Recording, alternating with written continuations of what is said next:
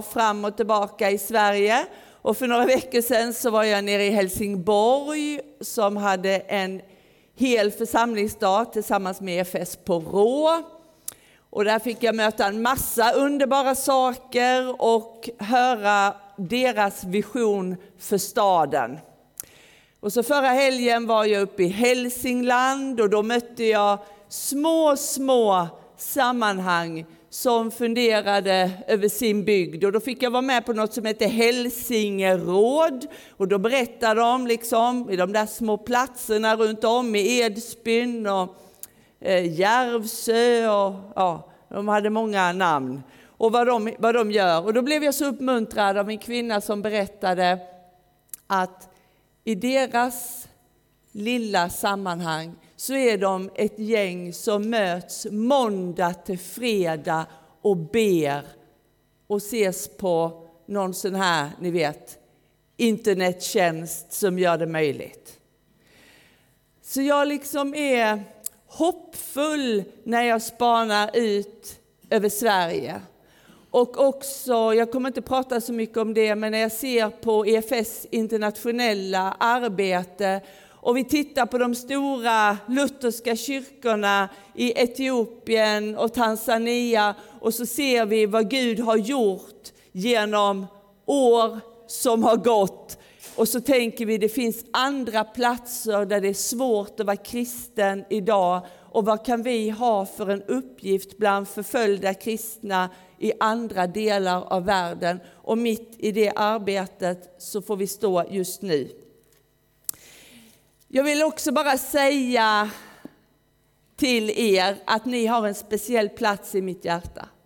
När jag var en ung tjej, när jag var 19 år 1989, då kom jag till det som då hette Johanneskyrkan. Och så fick jag vara med och växa i den här gemenskapen och fick eh, möjlighet när vi renoverade Johanneskyrkan och startade upp den första påskkonferensen och höll något stapplande litet vittnesbörd och Per-Eive han hejade på. Ja, jag ser att ni är några här från då och det är härligt. Och så är det roligt med alla er som är nya som har kommit till sedan dess. Jag ska få tala om att leva mission. Och vet ni, EFS har en jätte jättebra vision. Vet ni vad en vision är? Det är en dröm, någonting som vi längtar efter, som vi ser där borta, som vi inte riktigt än kan nå, men som genererar passion i våra hjärtan. Och den är så bra, så den borde vi alla kunna utan till. För EFS vision är människor och samhällen förvandlade av Jesus. Kan ni säga det med mig? Människor och samhällen förvandlade av Jesus.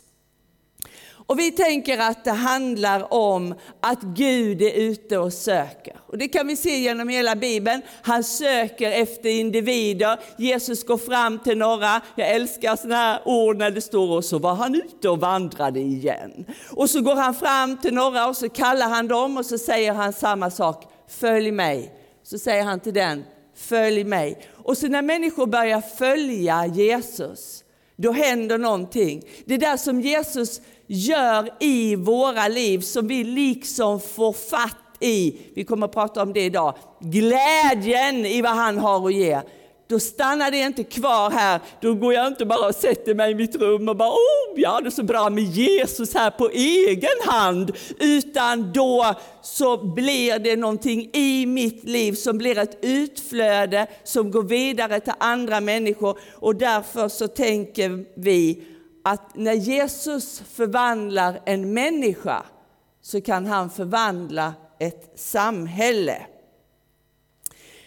Och eh, då som en utgångspunkt så ska vi läsa, det finns så många bra texter, hur ska man välja en predikotext på det här temat? Men eftersom vi inte kan vara här hela dagen så måste vi välja en. Och då väljer jag från Titus, från det tredje kapitlet, eh, vers 4 8. Titus 3, 4 8. Men när Guds, vår frälsares godhet och kärlek till människorna blev uppenbara räddade han oss. Inte därför att vi gjort några rättfärdiga gärningar, utan därför att han är barmhärtig. Och han gjorde det med ett bad som återföder och förnyar genom den helige Ande. Genom Jesus Kristus, vår frälsare, har han låtit Anden strömma över oss för att vi genom Guds nåd ska bli rättfärdiga och så som det är vårt hopp vinna evigt liv. Det är ett ord att lita på. Vi bara ber. Herre, nu ber vi. Kom till oss och gör ditt ord levande i våra hjärtan. Amen. Om EFS vision är människor och samhällen förvandlade av Jesus så kan man ju tänka okej, okay, men hur ska det gå till då? Och då har vi formulerat det som vi kallar för tre uppdragsord eller som Jonathan säger mål. Men tre saker som vi tänker att vi jobbar med. Och det första är just det som är dagens predikotema, leva mission. Och då undrar ni, vilka är de andra tre? Jag kan bara nämna det lite kort. Leva mission, växa i lärjungaskap och forma kristna gemenskaper. Men de där andra två talar vi inte om, utan att leva mission. Eh, när vi skulle skriva ner det där så var det någon som sa, ni har glömt ett i. Det ska väl heta leva i mission och då sa vi nej, alltså vi, vi som hade jobbat med de här och mejslat fram de här orden. Vi lever inte i mission, vi går inte i och ur, utan vi vill vara en rörelse, en missionsorganisation, en kyrka, en församlingsgemenskap, en lärjunge som lever mission. Jesus kallar oss till ett helt liv med honom och det innebär att hela våra liv önskar han ska vara präglade av honom. Och det är det Paulus skriver om till Titus och anger en riktning för våra liv som kommer innebära att vi lever mission. Så jag tänkte utifrån den här texten säga tre olika saker. Och det första jag vill säga, det handlar om att Guds kärlek blev uppenbar. Det står i den här texten. Det går som en röd tråd genom Bibeln att Gud söker människan. Ända från de första bladen så ser vi att han längtar efter en relation med sitt folk. Men folket kan inte vara det heliga folk som behövs för att komma nära den helige guden. I människan finns sedan syndafallet ett inneboende uppror i människan som vi brukar kalla för arvsynden. Och det handlar om att människan väljer sin väg. Gud säger kom, men människan i sig själv säger bara nej. Fast vi kanske inte säger det så högt, men vi, vi säger jag, mig, mitt och jag tycker att det blir än tydligare när tiden går. Att vi människor, vi säger, jag gör det som känns rätt för mig. Men den här sommaren så har jag unnat mig att sitta och läsa igenom Moseböckerna igen. Jag älskar särskilt första och andra och femte Mosebok. Eh, så jag har suttit och, och, och eh, verkligen eh, fördjupat mig i de där texterna.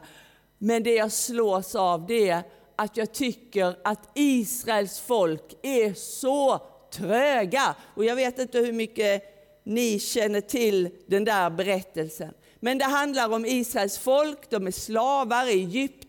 Gud kallar en man som heter Mose. Mose får uppdraget att ta folket ur Egypten och ska ta dem till ett underbart land. Och så gör han det och de är med om de mest makalösa mirakler. Eh, de står ute i öknen, det är ett hav framför dem, det kommer en armé som jagar dem. Farao har ångrat sig, han säger vi ska döda dem eller ta tillbaka dem till Egypten och så får de dela sig havet. Förstår ni, tänker jag så här, om jag var med om det, att havet delade sig och att vi liksom ett folk på kanske en miljon människor, vi bara går rakt igenom Torskodda, då skulle jag aldrig tvivla mer. Men de går igenom Torskodda, havet sluter sig, armén som jagar dem drunknar. Och så bara fortsätter berättelsen om Guds godhet. Gud visar, jag ska beskydda er, jag ska gå före er. Han går före dem i en molnstod. Vad kan det vara? Jag tänker att det är som ett jättestort moln som går före dem på vägen. Och på natten så är det en eld som är där så att de vet att de är på rätt ställe. Ändå gör de uppror hela tiden mot sina ledare, mot Aron, mot Mose och framförallt mot Gud. Och Gud säger till Israels folk gång på gång, rena er, jag vill att ni ska vara heliga. Men när jag sitter där hemma i min soffa och läser så tänker jag, men de är ju hopplösa. De kommer till och med på tanken att de hade det bra i Egypten. De hade det förfärligt i Egypten. De led svårt i Egypten och nu säger de gång på gång, om vi bara hade. Och här får vi ju ingenting. Va? Gud förser dem med mat varje dag. Han är där med sin närvaro. Liksom. Det är bara sådana under hela tiden. Och till slut säger de en dag, vi gör vår egen Gud. Ja, då kan vi tänka, det var inte, de var inte kloka de där människorna. Men då kan vi titta på oss själva och på vår tid. Genom årtusende som har gått så fortsätter människan att göra sina gudar. Vi ser upp till idoler. Nu menar jag inte att vi inte får förebilder, men det finns en idoldyrkan. Vi går med i sekter, vi försöker konsumera oss lyckliga, vi försöker skapa vår egen mening och vår tillhörighet. Och i den strävan kan vi människor gå nästan hur långt som helst. Men det betyder inte att vi kommer i kontakt med den levande guden. Men så en dag i historien så skrider Gud till verket på ett nytt sätt.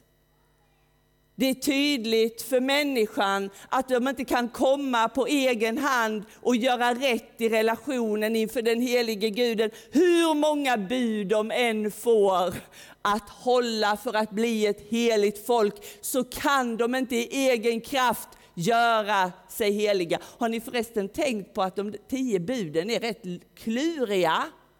Du skall inte ha begär till din nästas grejer. Det har vi ju hela tiden. De tio buden som folket fick var ju någonting som skulle hjälpa dem att vara ett heligt folk. Men det där gick inte på egen hand och då skrider Gud till verket. Nya testamentet säger tiden är inne. Och så blir Guds kärlek uppenbar, synlig för alla när Jesus Kristus, Guds son, kommer hit och blir som en av oss. Samtidigt både sann Gud och sann människa. Och så kommer han hit för att dela våra liv, för att vandra här, sova här, göra under och mirakel, tala om Guds rike, skaffa vänner, odla relationer och så blir Guds kärlek synlig för alla. Och om det kan vi läsa i Nya Testamentet och på det sättet får vi lära känna Gud. Då kommer vi till punkt två. Det handlar inte om att vi gjorde, utan han gjorde. Guds Kärlek blir synlig därför att Gud Fader sänder sin son och låter honom betala priset för vår synd och vår ofullkomlighet. Jesus kommer hit och blir frivilligt vår ställföreträdare, blir det offer, dör på korset, sonar all människans synd. Och då vet ni vad som händer? Det handlar om att nu när Gud Fader står där, längtar efter en relation med det heliga folket, så ser han på människan genom en sorts Jesusfilter. Och så ser han på dig och på din granne och på alla andra genom vad Jesus har gjort på korset. Och där säger han, titta, där är en älskad människa som min son Jesus har gått i döden för. Han har köpt henne fri. Hon har nu blivit förlåten, hon är upprättad, hon har blivit född till ett nytt liv. Och vi är födda till ett nytt liv tillsammans med Jesus. Och så har vi blivit genom Jesus det heliga folk som Gud ända sedan tidernas början har längtat efter. Inte för att vi nu har gjort något bra i egen kraft, utan för att Gud själv i sin kärlek har räddat oss och kallat oss till sig. Varje människa som vill tro på Jesus som bekänner sin synd blir enligt bibelordet född på nytt, till ett nytt liv. Visst är det väl underbart? Va? Vi har blivit rättfärdiga, säger Nya Testamentet, alltså rätt rätta och färdiga inför honom. Vi har fått hopp, vi har fått mening med livet, vi har fått tillhörighet, vi får kalla oss Guds barn. Vi har fått söners rätt. Ja. Vi har blivit arvingar. Vi har fått insikt i hemligheten med Kristus. Wow! Det är vad han har gjort för oss. Vi kunde inte i oss själva, men han har förberett och gjort allt. Och då kommer vi till det tredje. Detta är ju vårt hopp och vår berättelse. När denna kunskap, eller hellre denna erfarenhet av allt vad han har gjort för oss landar i oss, så gör det någonting med oss. Att leva mission, det är inte en aktivitet, någonting som ni ska göra här på lördag kväll.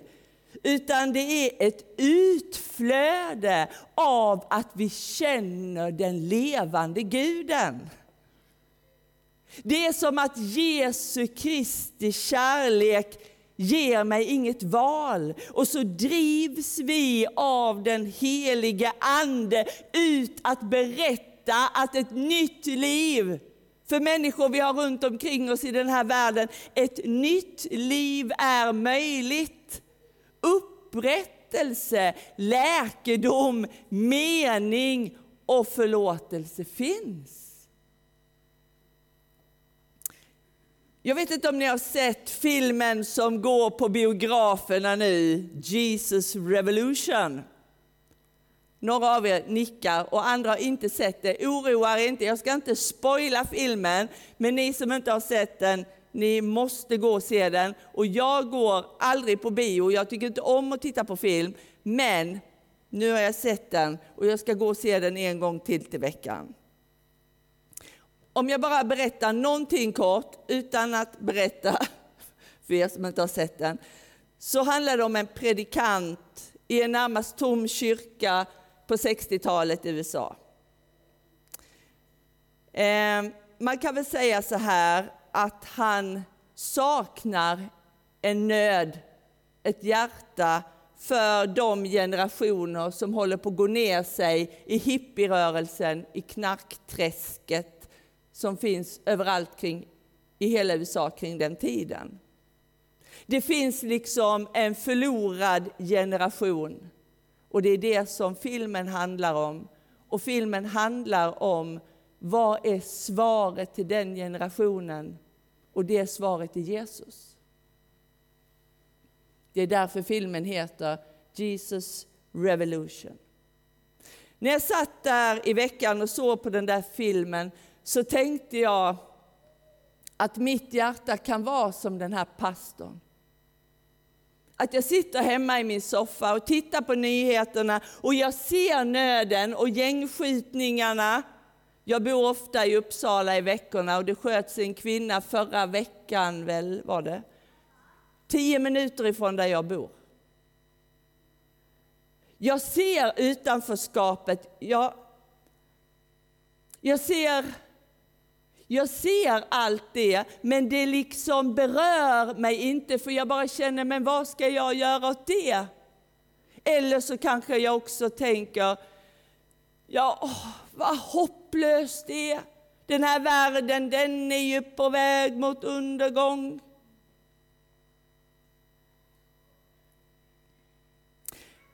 Jag ser våra kyrkor.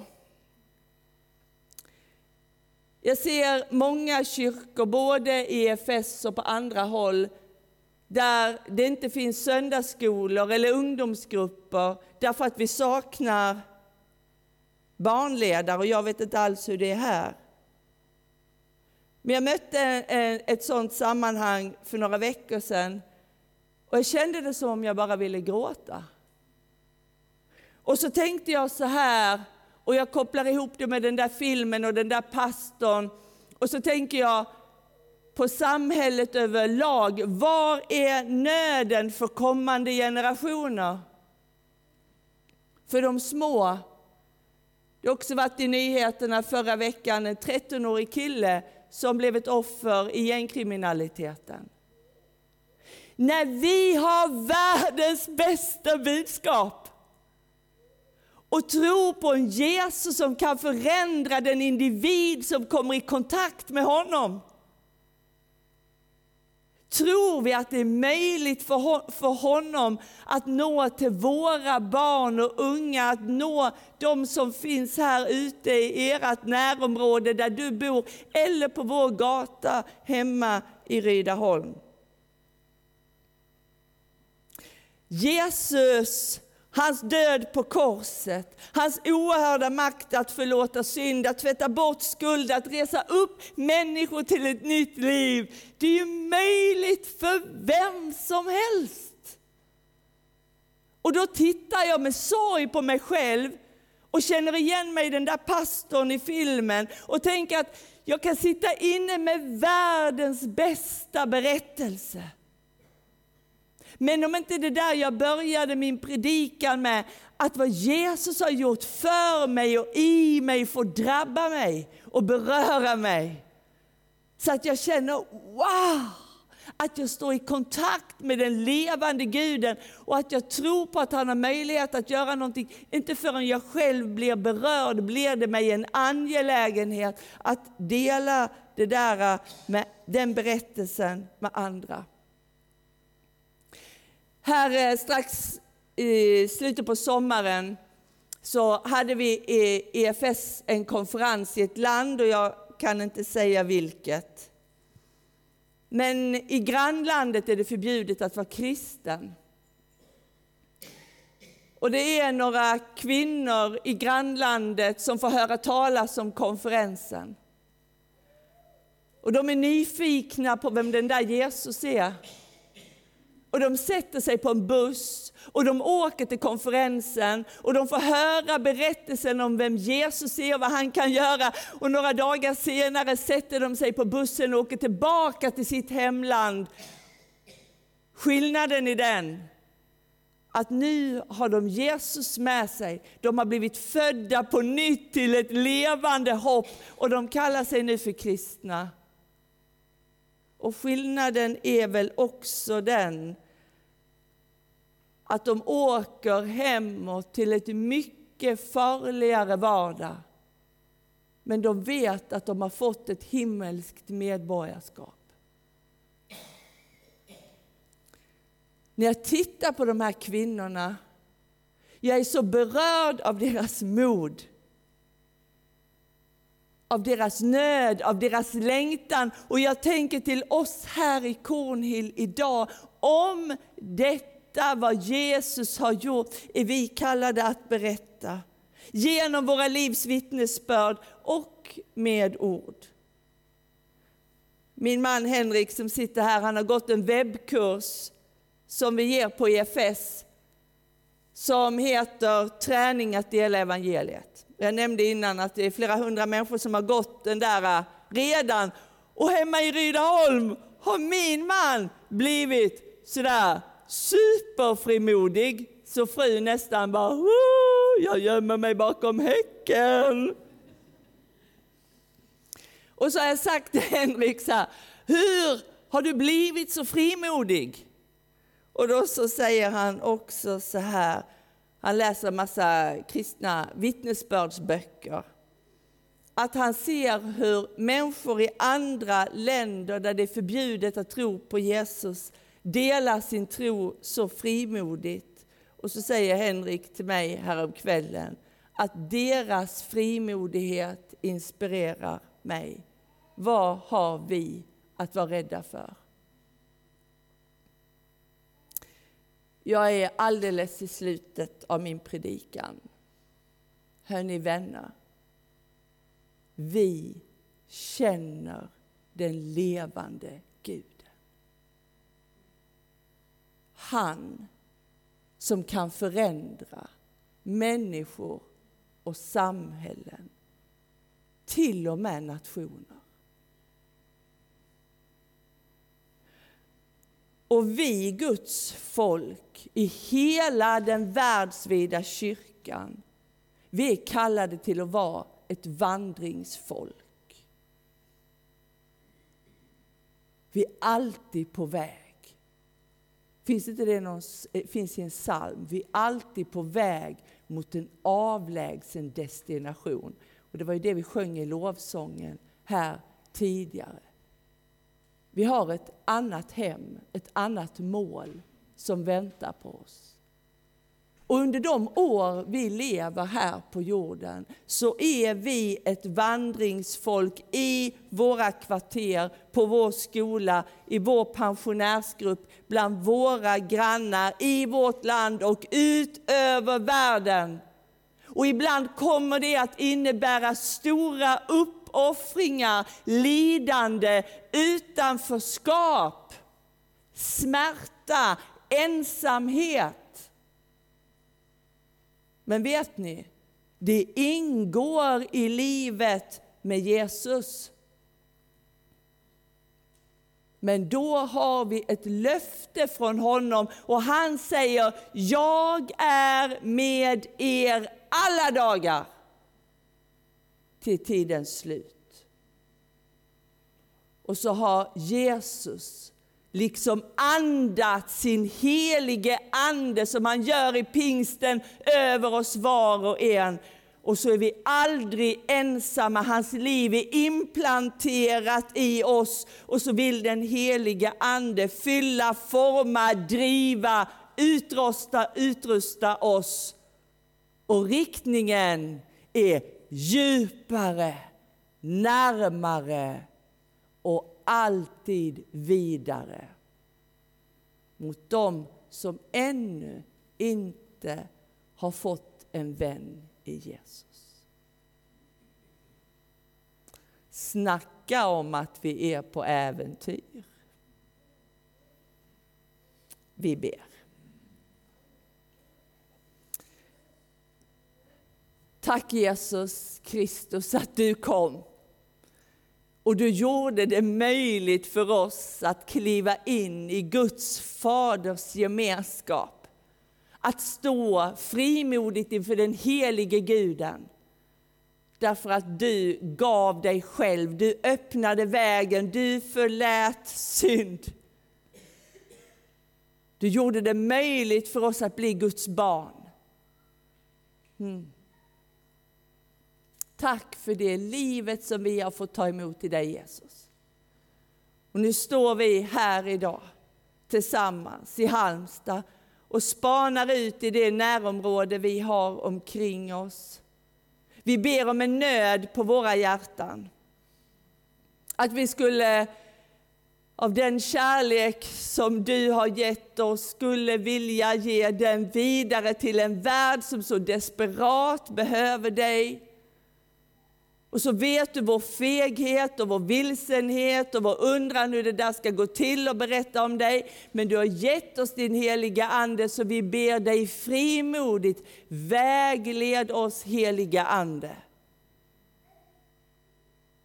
Vi ber att det som de här tre kvinnorna på bussen, den passionen som fanns i deras liv av att få möta dig, den starka längtan och drivkraften, att den längtan och drivkraften skulle komma till oss och forma oss. Att var vägen än går, så går vi med dig Jesus.